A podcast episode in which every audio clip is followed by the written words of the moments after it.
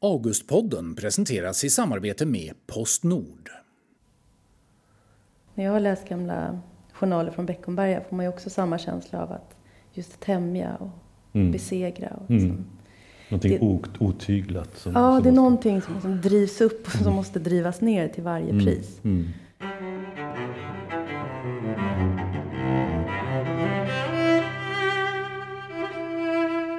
Vi är på Sveavägen i centrala Stockholm på Albert Bonniers förlag. Två Augustnominerade författare möts här idag. Det är Sara Stridsberg och Steve Sem Sandberg. Sara Stridsberg har skrivit en roman om mentalsjukhuset Beckomberga och Steve Sem Sandberg har skrivit om ett annat sjukhus, Spiegelgrund i Wien, där han ger röst åt de barn som spärrades in och dödades där under andra världskriget. Innan vi träffas har vi bett Sara och Steve att skriva brev till varandra för att berätta om sina böcker.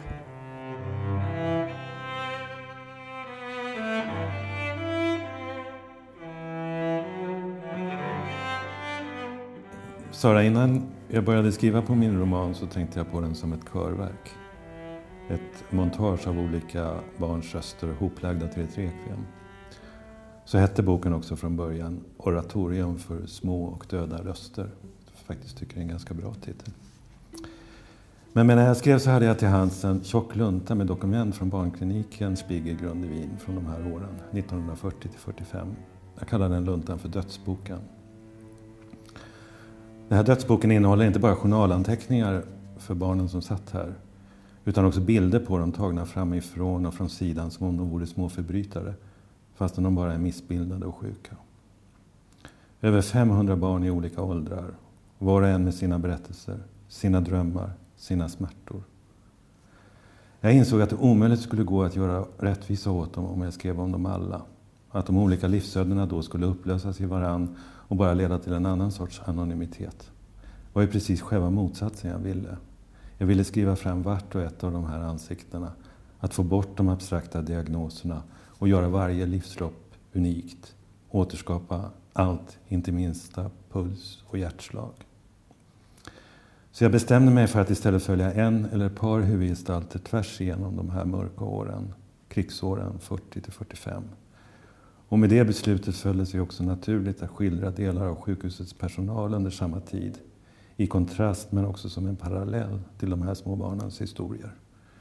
För också personalen är ju med i samma dödsdans samma mörka virvelsug ner mot det som inte borde få förekomma men som förekommer ändå. Det blev alltså en bok där alla är offer, också förövarna.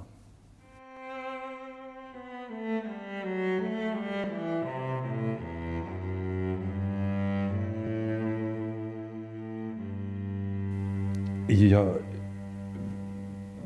mer eller mindre snubblade över det här ämnet med, med, med det här sjukhuset i Wien. Alltså det är naturligtvis ett ganska känt sjukhus här och, och framförallt ett känt psykiatriskt sjukhus. Man kan väl säga att det kanske är Wiens Beckomberg om man, om man vill uttrycka det på det sättet. Med långa, långa anor och, och, och, och också byggda kring samma idé som, som, som, du beskriver i din bok. Alltså den här idén om att man ska hjälpa de sjuka att, att klara sig bättre i, i sina egna liv. Och det kusliga och skrämmande och, och märkliga och fascinerande på många sätt är ju att välfärdsstaten som ju på något sätt hade vuxit fram på samma sätt i, Österrike på, sätt, på samma sätt som i, i Sverige. Um, hade inrättat det så, så väl och så praktiskt och så byråkratiskt korrekt alltihopa. Så att, att det egentligen bara var att liksom fortsätta med samma typ av arbete fast med helt motsatta förtecken när nazisterna kom till makten. Så att paviljongerna fanns där och hela den byråkratiska administrativa apparaten för att ta hand om sjuka fanns ju där också. Som om allt var förberett? Som om allt precis var förberett in i minsta detalj. Allt pappersarbete var redan gjort, allting var dokumenterat. Man visste redan allt om alla människor som skulle hamna där. Men själva grejen var ju den att man istället för att vårda, för att allt det här var byggt för att vårda och ta hand om, Alltså hamnade då i händerna på en, på en, på en apparat som hade som främsta syfte att, att döda. Och den här, liksom, då kan vi kalla det för då skuggdelen av Steinhoffs historia. Den är ju liksom inte då lika tydligt, eller var länge liksom mer eller mindre ihjältigen. Mm. Så att jag menar, det, var, det, är liksom på, det, det är den historien också som finns med i min bok som, som, ju, som jag också försöker berätta. Hur man liksom, så att säga, man inte, man inte tar hand om och förvaltar minnet och, och arvet på det sätt man kanske borde ha gjort också. Mm. Och, och det... där, där, finns ju en skillnad mellan Beckomberga och, och, och, och det här sjukhuset som, som jag har förstått. Lite grann i alla fall. Mm. Ja, det är så, för jag tycker nästan, jag, jag blir nästan jag blir förvirrad av att tänka på de här sjukhusen på samma gång. Nu har ju våra böcker kommit ut mm. samma höst. Och så. Ja, det är bara en slump. Jo, jo precis. Mm. Men jag blir mm. ändå förvirrad över att tänka på de där sjukhusen tillsammans. Speciellt när du pratar nu om mm. just hur, hur allting var förberett, hela administrationen för mm. en våldsideologi som bara mm. tog över. För, för jag tror att jag tänker så enormt mycket på det, eller har tänkt på det när jag skrivit den här boken, Beckomberga, om hur våldet är på något vis en oupplöslig del av omsorgen. Alltså vår omsorg om, om de svaga, vår omsorg om våra barn. Att liksom våldet ligger alltid där latent. Och det är mm. som att det då som blev eh, Spiegelgrund var också så här, det är som en sån extrem bild av det som finns, finns hela tiden. För jag mm. tänker att det var väl, alltså hela Steinhoff och hela Beckomberga bär ju på det i sig. Det, det, är fortfarande en, det må vara en del av välfärdsstaten. Det, det är till mm. för att beskydda, det är till för att ta hand om. Mm. Våld, våldet är ju där mm. i varje ögonblick i alla mm. fall. Mm. Alltså, vad man tänker på liksom med, våldet ligger ju liksom i, i, i det här tyglandet, i, i behärskandet och, och, och också, också med min bok är det, ju, är det ju så att det är ju inte bara svaga och missbildade alltså, med, alltså barn med fysiska handikapp som förs hit utan det är ju också är ju också små, alltså helt vanliga pojkar och flickor som inte har gjort något annat fel i sitt liv än att ha haft fel typ av föräldrar. Eller föräldrar mm. som har liksom alkoholproblem eller inte kan ta hand om sina barn. Av den anledningen så hamnar de där. Eh, och, och en av de här huvudpersonerna som jag sen valde att följa är ju en, en person som ju liksom inte har gjort, som ingen människa kan tro om något ont som det står i boken. Alltså han, han, han är liksom vild och för sig kommen som, mm. som, som de flesta normala barn är. Och och, och, och, då går ju själva uppfostringstekniken till att till varje pris kväva precis allt det som är liv i honom. Alltså, mm. Allt det som, liksom att, som, som, alla barn gör, man vet liksom, det plötsligt kommer den här blicken in i ena ögonvrån när man liksom ska pinna iväg åt precis motsatt håll mot vad lärarinnan säger att man ska springa. Mm.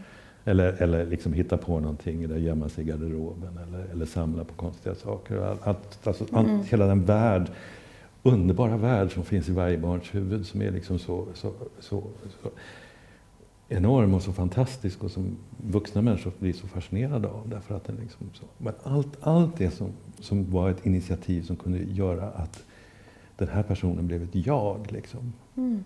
Allt det skulle liksom kvävas mm. med en gång. Och den frågan man ställer sig, vad, vad, vad är det då man uppfostrar de här barnen till? Och till de dokument som jag hörde hör ju liksom en, liksom en stolt redogörelse för, för hur vi liksom, så att säga, får varje barn att, att liksom bli perfekt, liksom, ett mönsterbarn liksom, på något sätt. Så.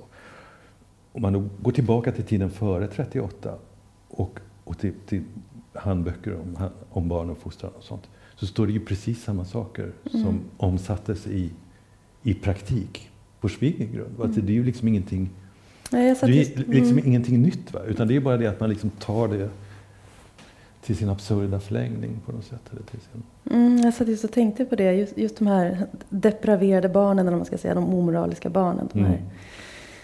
Med sociala problem som ham, hamnar där på kliniken. Att det är ju samma sorts barn som egentligen hamnar på, i mental, mentalvården vid den tiden. Mm. Innan och efter. Mm. Alltså, när jag har läst gamla journaler från Beckomberga får man ju också samma känsla av att just tämja och mm. besegra. Och liksom, mm. Någonting det, otyglat. Som, ja, som det är någonting som, som drivs upp och som mm. måste drivas ner till varje mm. pris. Mm. Och det var väl det den där gamla antipsykiatrin på 70-talet var intresserad av. Liksom, Vad mm. sjukdomen var ett sorts, vad sjukdomen uttryckte. Liksom.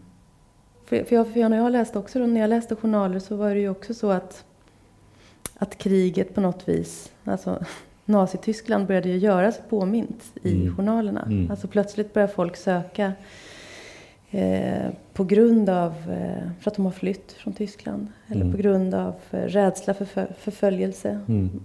Många judiska människor som plötsligt, Mm. plötsligt dyker upp liksom, Mm. i svår paranoia. Ja, men som Nelly Sachs. Till exempel, jag vet. till exempel. Och sjuk, sjukhuset är väl bara en liten, liten, en liten, liten bild av världen runt omkring. Precis. Väldigt tydlig då eftersom den är dokumenterad efteråt i journaler. Ja, ja. Men hur tänkte du när du, alltså läste du mycket journaler och sjuk, alltså den här, den här typen av dokument också, Mm. när du skrev? Jag, läste ju, jag läste journaler fram till 1944. Sjukhuset öppnade 32. Mm. Eh, för att det var så, eller till 43, det är 70 års sjukhussekretess i Sverige. Så det var det jag fick tillgång till. Jaha, du, du kunde inte läsa längre? Nej, jag, Mm. det kanske jag hade kunnat, men jag inte... jag, jag eh, valde att bara låta mig... Jag läste det som var öppet för Mm. allmänheten. Mm. Och sen har jag också läst min pappas journal Mm. därifrån. Mm. Men... Och det var, ju en det var ju en helt annan tid än det 80-tal som jag skriver om fram- framförallt i boken.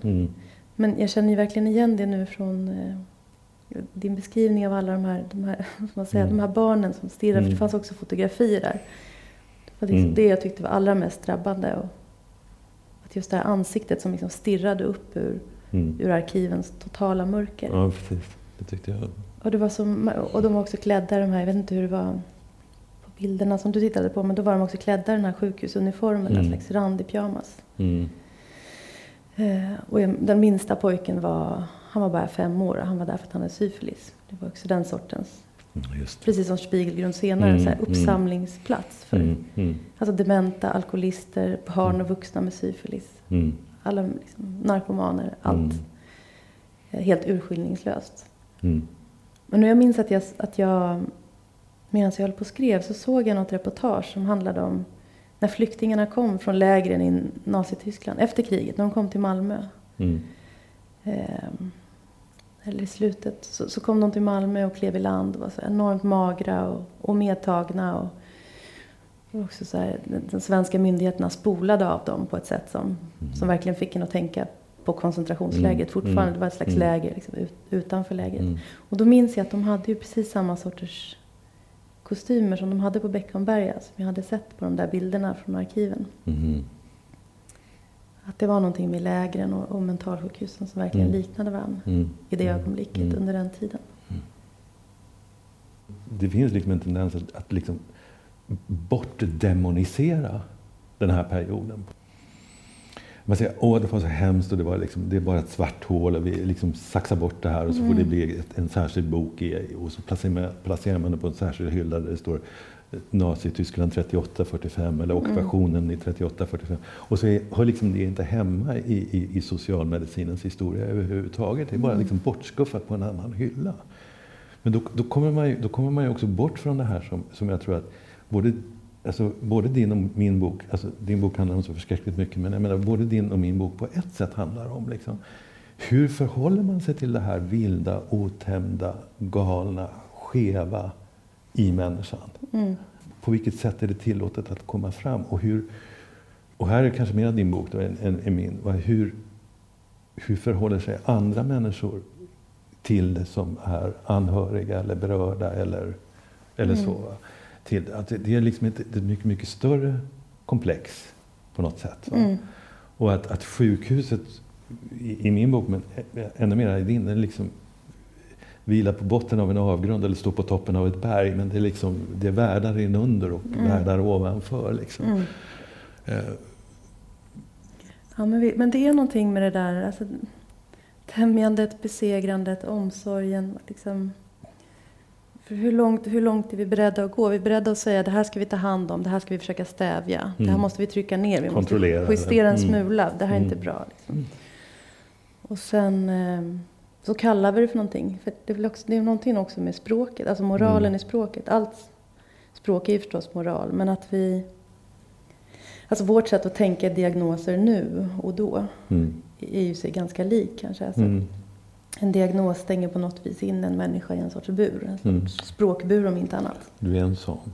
Ja, Mm, då har vi det på ett slags behörigt avstånd. mm, Och eh, man, man kunde ju kalla det allt för allt möjligt, som i din bok, för att vara depraverad eller för att Mm. vara mm, missbildad. Eller Mm. för att, och du är en sorts icke-människa. Det är väl det som finns i, liksom, i allt skrivande, därför det är det som är möjligt att göra i romanen kanske. Att, att eh, skriva utan att... att eller liksom, jag tror att jag tänker på det så mycket i alla fall, att försöka skriva utan att besegra i skrivögonblicket.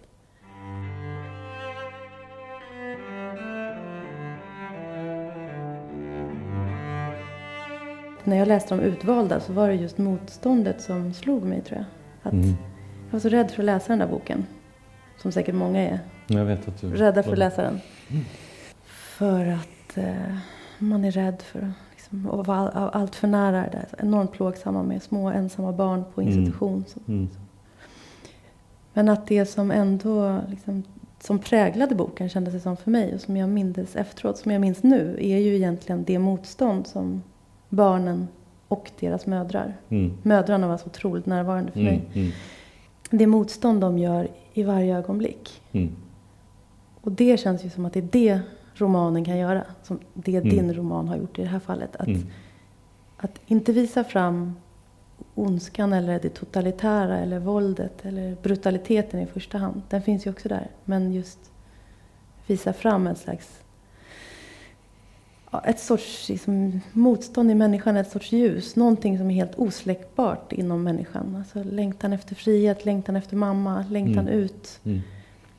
Jag tror inte att det är möjligt att- beskriva det, det, det, det ljuset eller det modet eller den, den kraft, motkraften om man liksom inte också visar liksom det som det modet och den, Mm. det ljuset måste övervinna liksom, Mm. på något sätt. Mm. Alltså jag tror att de där två, två hör, väldigt mycket ihop. Mm. Man kan liksom inte bara liksom skriva evangelietexter och tro Mm. att man på det sättet på något sätt har beskrivit, beskrivit utan det är liksom Men det är väl därför förintelsen alltid där blir en sån som du säger isolerad händelse. För vi kan inte sätta det i samband med oss själva. Vi kan inte förstå att det, var, det, det var, kändes precis som det gör för oss nu. Nej, människor precis, precis. var i sina liv, människor tog, Mm. tog beslut, moraliska beslut i varje ögonblick som sammantaget, en massa, massa små minibeslut ledde Mm. fram till en enorm katastrof. Mm.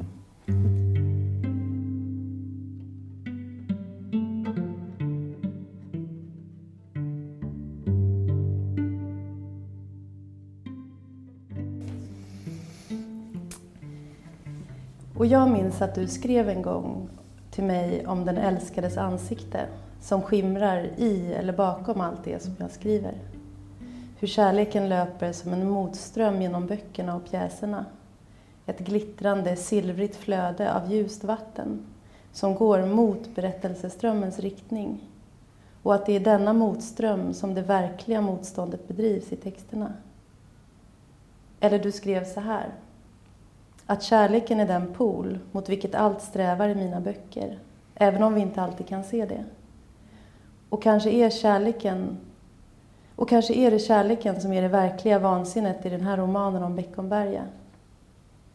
När jag skrev den här boken ville jag komma så nära det sköra inom oss som det var möjligt, utan att samtidigt förråda det, tämja det, besegra det. Och jag ville skriva också om det ljus som finns i närheten av fallet, av sjukdomen, av förtvivlan. Jag ville skriva om det ljus som en gång var utopin om att fånga den som faller. Utopin om att vara ett hem för alla de som inte kunde vara sitt eget hem. Romanen började i min undran om vart patienterna från de gamla mentalsjukhusen tog vägen när de stängdes efter den ekonomiska krisen i mitten av 90-talet. De som nu vandrade omkring på gatorna, fria och övergivna. Ibland har jag tänkt att Beckombergas tid sammanföll med välfärdsstatens tid, 1932 till 1995.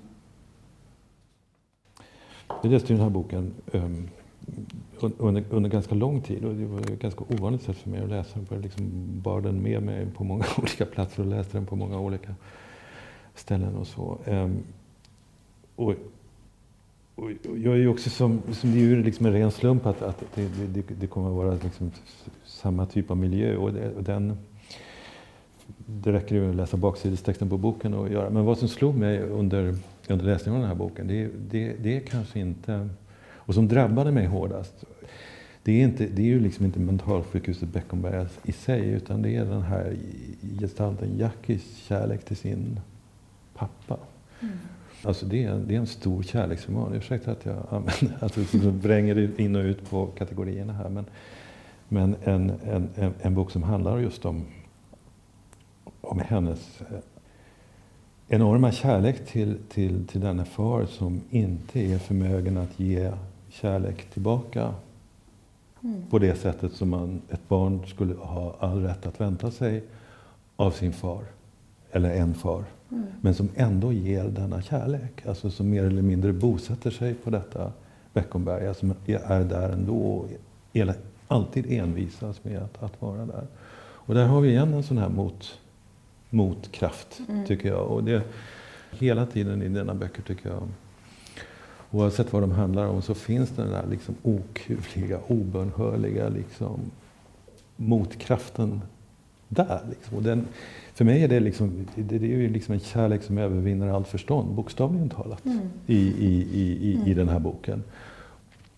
Alltså man tänker sig liksom den här existensen på, på, alltså, alltså li, livets fruktansvärda tyngdlag liksom, som på något sätt liksom tvingar oss alla att liksom stå upprätt vare sig vi vill eller inte på något sätt. Men så finns också den här motkraften i, i, i, i din text och som, som din roman och andra av dina romaner också som, som, som, som, som också alltså blir som ett liksom, tyngdlagens upp, upphävande på något sätt. Och, och, som läsare så känner man sig nästan också i det här tillståndet av nästan, nästan, nästan svävning faktiskt skulle jag vilja säga. Att den, är, den är ju skriven på sådant sätt att man verkligen liksom helt plötsligt blir detta också möjligt. Mm. Och rent, rent fysiskt tycker jag det är så när man också läser boken. Jag har ju liksom inte varit...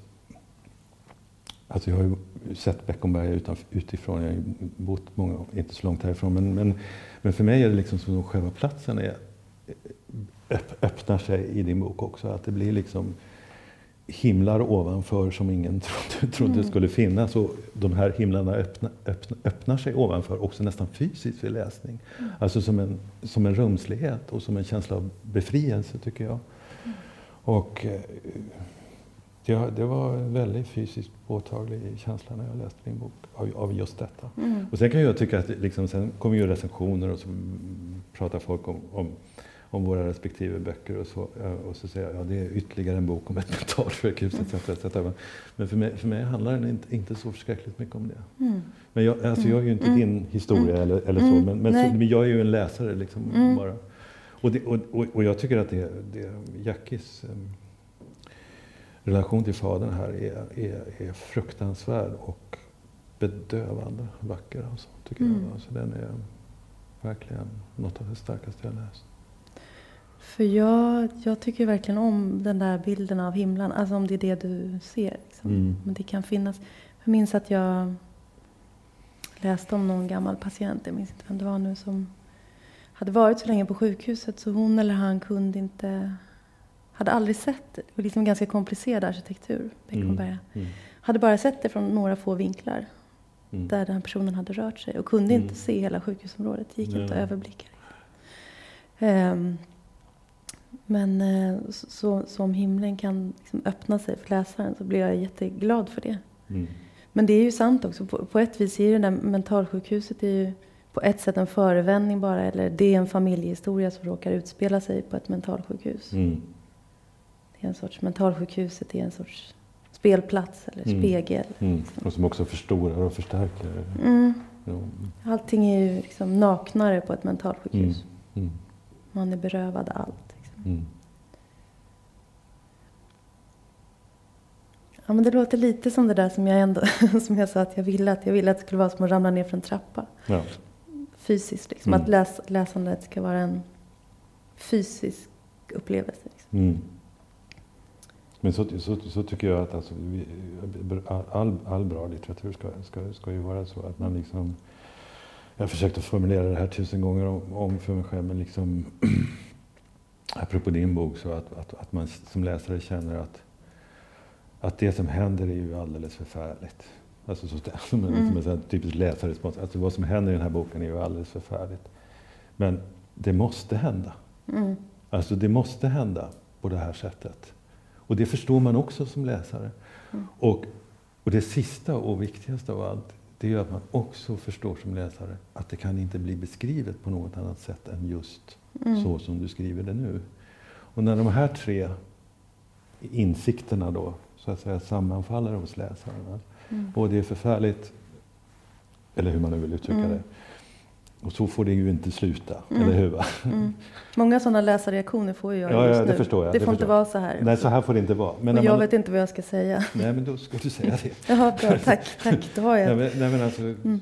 alltså, så, så känner man, mm. det är förfärligt, så här, så här får det inte gå. Mm. Så här får det inte sluta. Mm. Men ändå så liksom tanke nummer två blir liksom att, att jag, det måste ju gå så här. Mm. Därför att någon, det finns liksom något, något det antika ödesdramat. Det här mm. låter väldigt banalt nu jag mm. säger, men liksom, liksom ofrånkomlighet. Det måste mm. liksom bli så. Mm.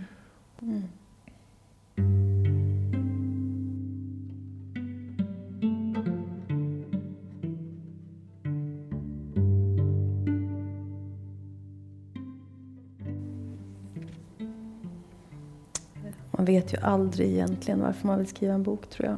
Det är ju på något vis dolt för författaren. Men eh, jag undrade väl över vart de gamla patienterna hade tagit vägen. Tror jag. Eh, att jag verkligen undrade. Att de, de första liksom, starka bilderna jag hade från boken var just från, de där, från sjukhusparken i Beckomberga och gamla patienter som återvände. Och så var det ju så märkligt att jag, att jag hade besökt det där sjukhuset som barn, som anhörig. Men ändå föreställde mig att jag skulle skriva jag skulle skriva den boken som du beskrev nu om Steinhoff. Den här mm. historiska exposén. Liksom. Mm. Årtalen och mm. arkitekturen och mm. arkiven. Och någonstans långt där inne så väntade också en sorts familjehistoria som apropå det ofrånkomliga, som var ofrånkomlig, liksom, som hade med den där platsen att göra. Men det, visste, det visste du inte från början? Nej, nej, det var inte alls nära. Det är så märkligt nu. Liksom. Men jag inbillar mig att, att eh, skrivandet måste iscensätta ofta en sorts blindhet för att man mm. ska våga skriva. Mm. Apropå att liksom rent fysiskt trilla ner för en trappa och om Precis. själva skrivandet är mm. som ett sorts fallande. Liksom, mm. Att man också riskerar någonting. Liksom. Mm. Det tror jag också. Um, och ibland tänker jag att om, om jag skulle veta vad jag, vad jag skulle skriva skulle jag inte göra det. Jag måste göra mig blind för någonting. Och nu gör jag mig blind för någonting som är på något vis fullständigt självklart. Liksom att ha en egen relation till ett gammalt mentalsjukhus. Hur kan man glömma det? Hur kan man göra sig blind för det? Men det är mm. uppenbarligen möjligt. Jag hade bara min blick någon helt annanstans. Mm. Men sen tror jag att det var så att jag... Man måste hitta sin... Sitt, eh, vad ska man säga, sitt moraliska läge i, för att kunna skriva en bok. Mm. Men, sorts, vad, hur tänker, vad tänker du? När man får ett sorts tillstånd att skriva. Jag vet inte hur, hur du tänker kring dina böcker. Men för mig har det varit liksom, alltid hittat ett så moraliskt läge i mig själv. Eller ett känslomässigt läge kanske. Jag vet inte, mm. jag vet inte vad det är. Men, eh, från den här platsen kan detta berättas utan att det blir men jag hade ju där, när jag började skriva så hade jag det där att jag inte ville beskriva sjukdomen eller de sjuka. Eller de missanpassade, eller vad man ska säga, utifrån eller från ett friskt, mm. förnuftigt perspektiv. Jag uppfattade att det skulle vara att förråda sjukdomen. Mm. Och förråda en sorts förtvivlan. Ehm, och, och då visste jag inte hur jag skulle... Kanske där kom hela min gamla familjehistoria in. Jag visste inte hur jag själv skulle hantera skulle jag kunna stå innanför stängslet som berättare till det här sjukhuset? Det fanns Beckomberga var omgärdat av ett stängsel med vaktkurer och så då mm. när det var i bruk. Eller vad, skulle, jag, skulle jag för alltid vara dömd till att bli stående utanför? Eftersom mitt problem då var att jag skrev utifrån friskheten. Som jag, mm. Mm. Då, jag är dokumenterat frisk, i alla fall precis just nu, eller vad man ska säga, i livet. Eller liksom, livet är ju långt. Men eh, men, och det var som att liksom, en särskild sorts... Det var bara den enda punkten som jag kunde berätta ifrån. Och det var från utanför stängslet. Mm. Och där var jag på något vis kanske eventuellt fjättrad kring min, i min gamla anhörigposition. Liksom. Mm. Min gamla besökarposition. Mm. Och eh, jag vet inte om jag hade kunnat skriva det, skriva det inifrån. Det var, det var någonting med den där blindheten och min, min, min plats som berättare i den där historien. Men hände det någonting, alltså, när du hittade den här positionen, det här känslomässiga läget som gjorde att du kom, att du kom, kom, kom bortom kategorierna eller kom innanför murarna? Eller hur Ja, man men- beskriva? För att alltså, så som jag läser boken, vilket utifrån naturligtvis, va, men, men att, du, att det är ju faktiskt det du lyckas göra. Mm. I och med att du flyttar in Mm. flickan i, Mm. till men- själva platsen och gör henne till en del av platsen. Men samtidigt Mm. så skickar ju läkaren ut sina patienter, Mm, eller hur? Så det, ju det. liksom, sker ju en liksom... En förflyttning där Ja, precis. mellan vansinne och förnuft. precis. Nej, men jag tror att det men var... kände du att, det kom, att, du att det var en punkt där du faktiskt kom, kom in? Jo, men det, jag tror det. För att jag tror att det var som att jag stod hela tiden, jag var fast i liksom, boken låg nere under enormt lång tid. För jag kunde inte lösa dilemmat med hur jag skulle beskriva just sjukdomen utan att vara frisk själv och allt det där. Mm. Och eh, jag minns att jag skrev till Johan Kullberg och han sa bara det där låter bara som en anhörig med jävligt dåligt samvete. Och det var väldigt Mhm. befriande att man kunde, Mm. kunde tänka, liksom, ja, Ja. att man kunde tänka så kring mina enormt stora frågor då, kring förnuftet och Mm. som hade med Derrida och Foucault och allt det där att göra. Men, men, eh, men det var så för mig att jag insåg ju, det borde jag ha insett länge, men det tar ju lång tid liksom, i en roman att komma till en sån plats. Att jag, det var ju liksom, Jackies eventuella friskhet eller förnuft. Det var Mm. det som måste vara hjärtat i romanen. Mm.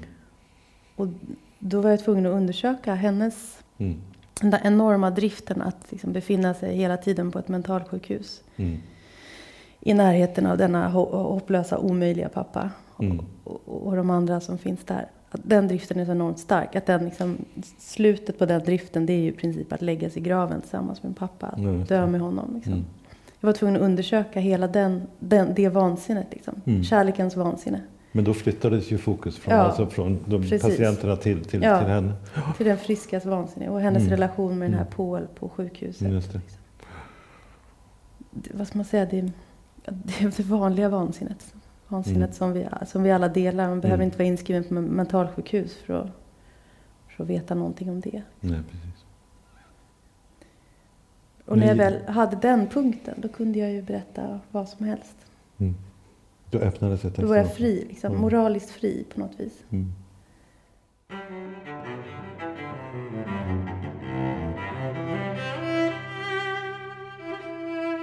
Augustpodden produceras av Fascinera för Svenska Förläggareföreningen. Producenter är Inga Ramsten och Lisa Mattsson. Augustpriset presenteras i samarbete med Postnord.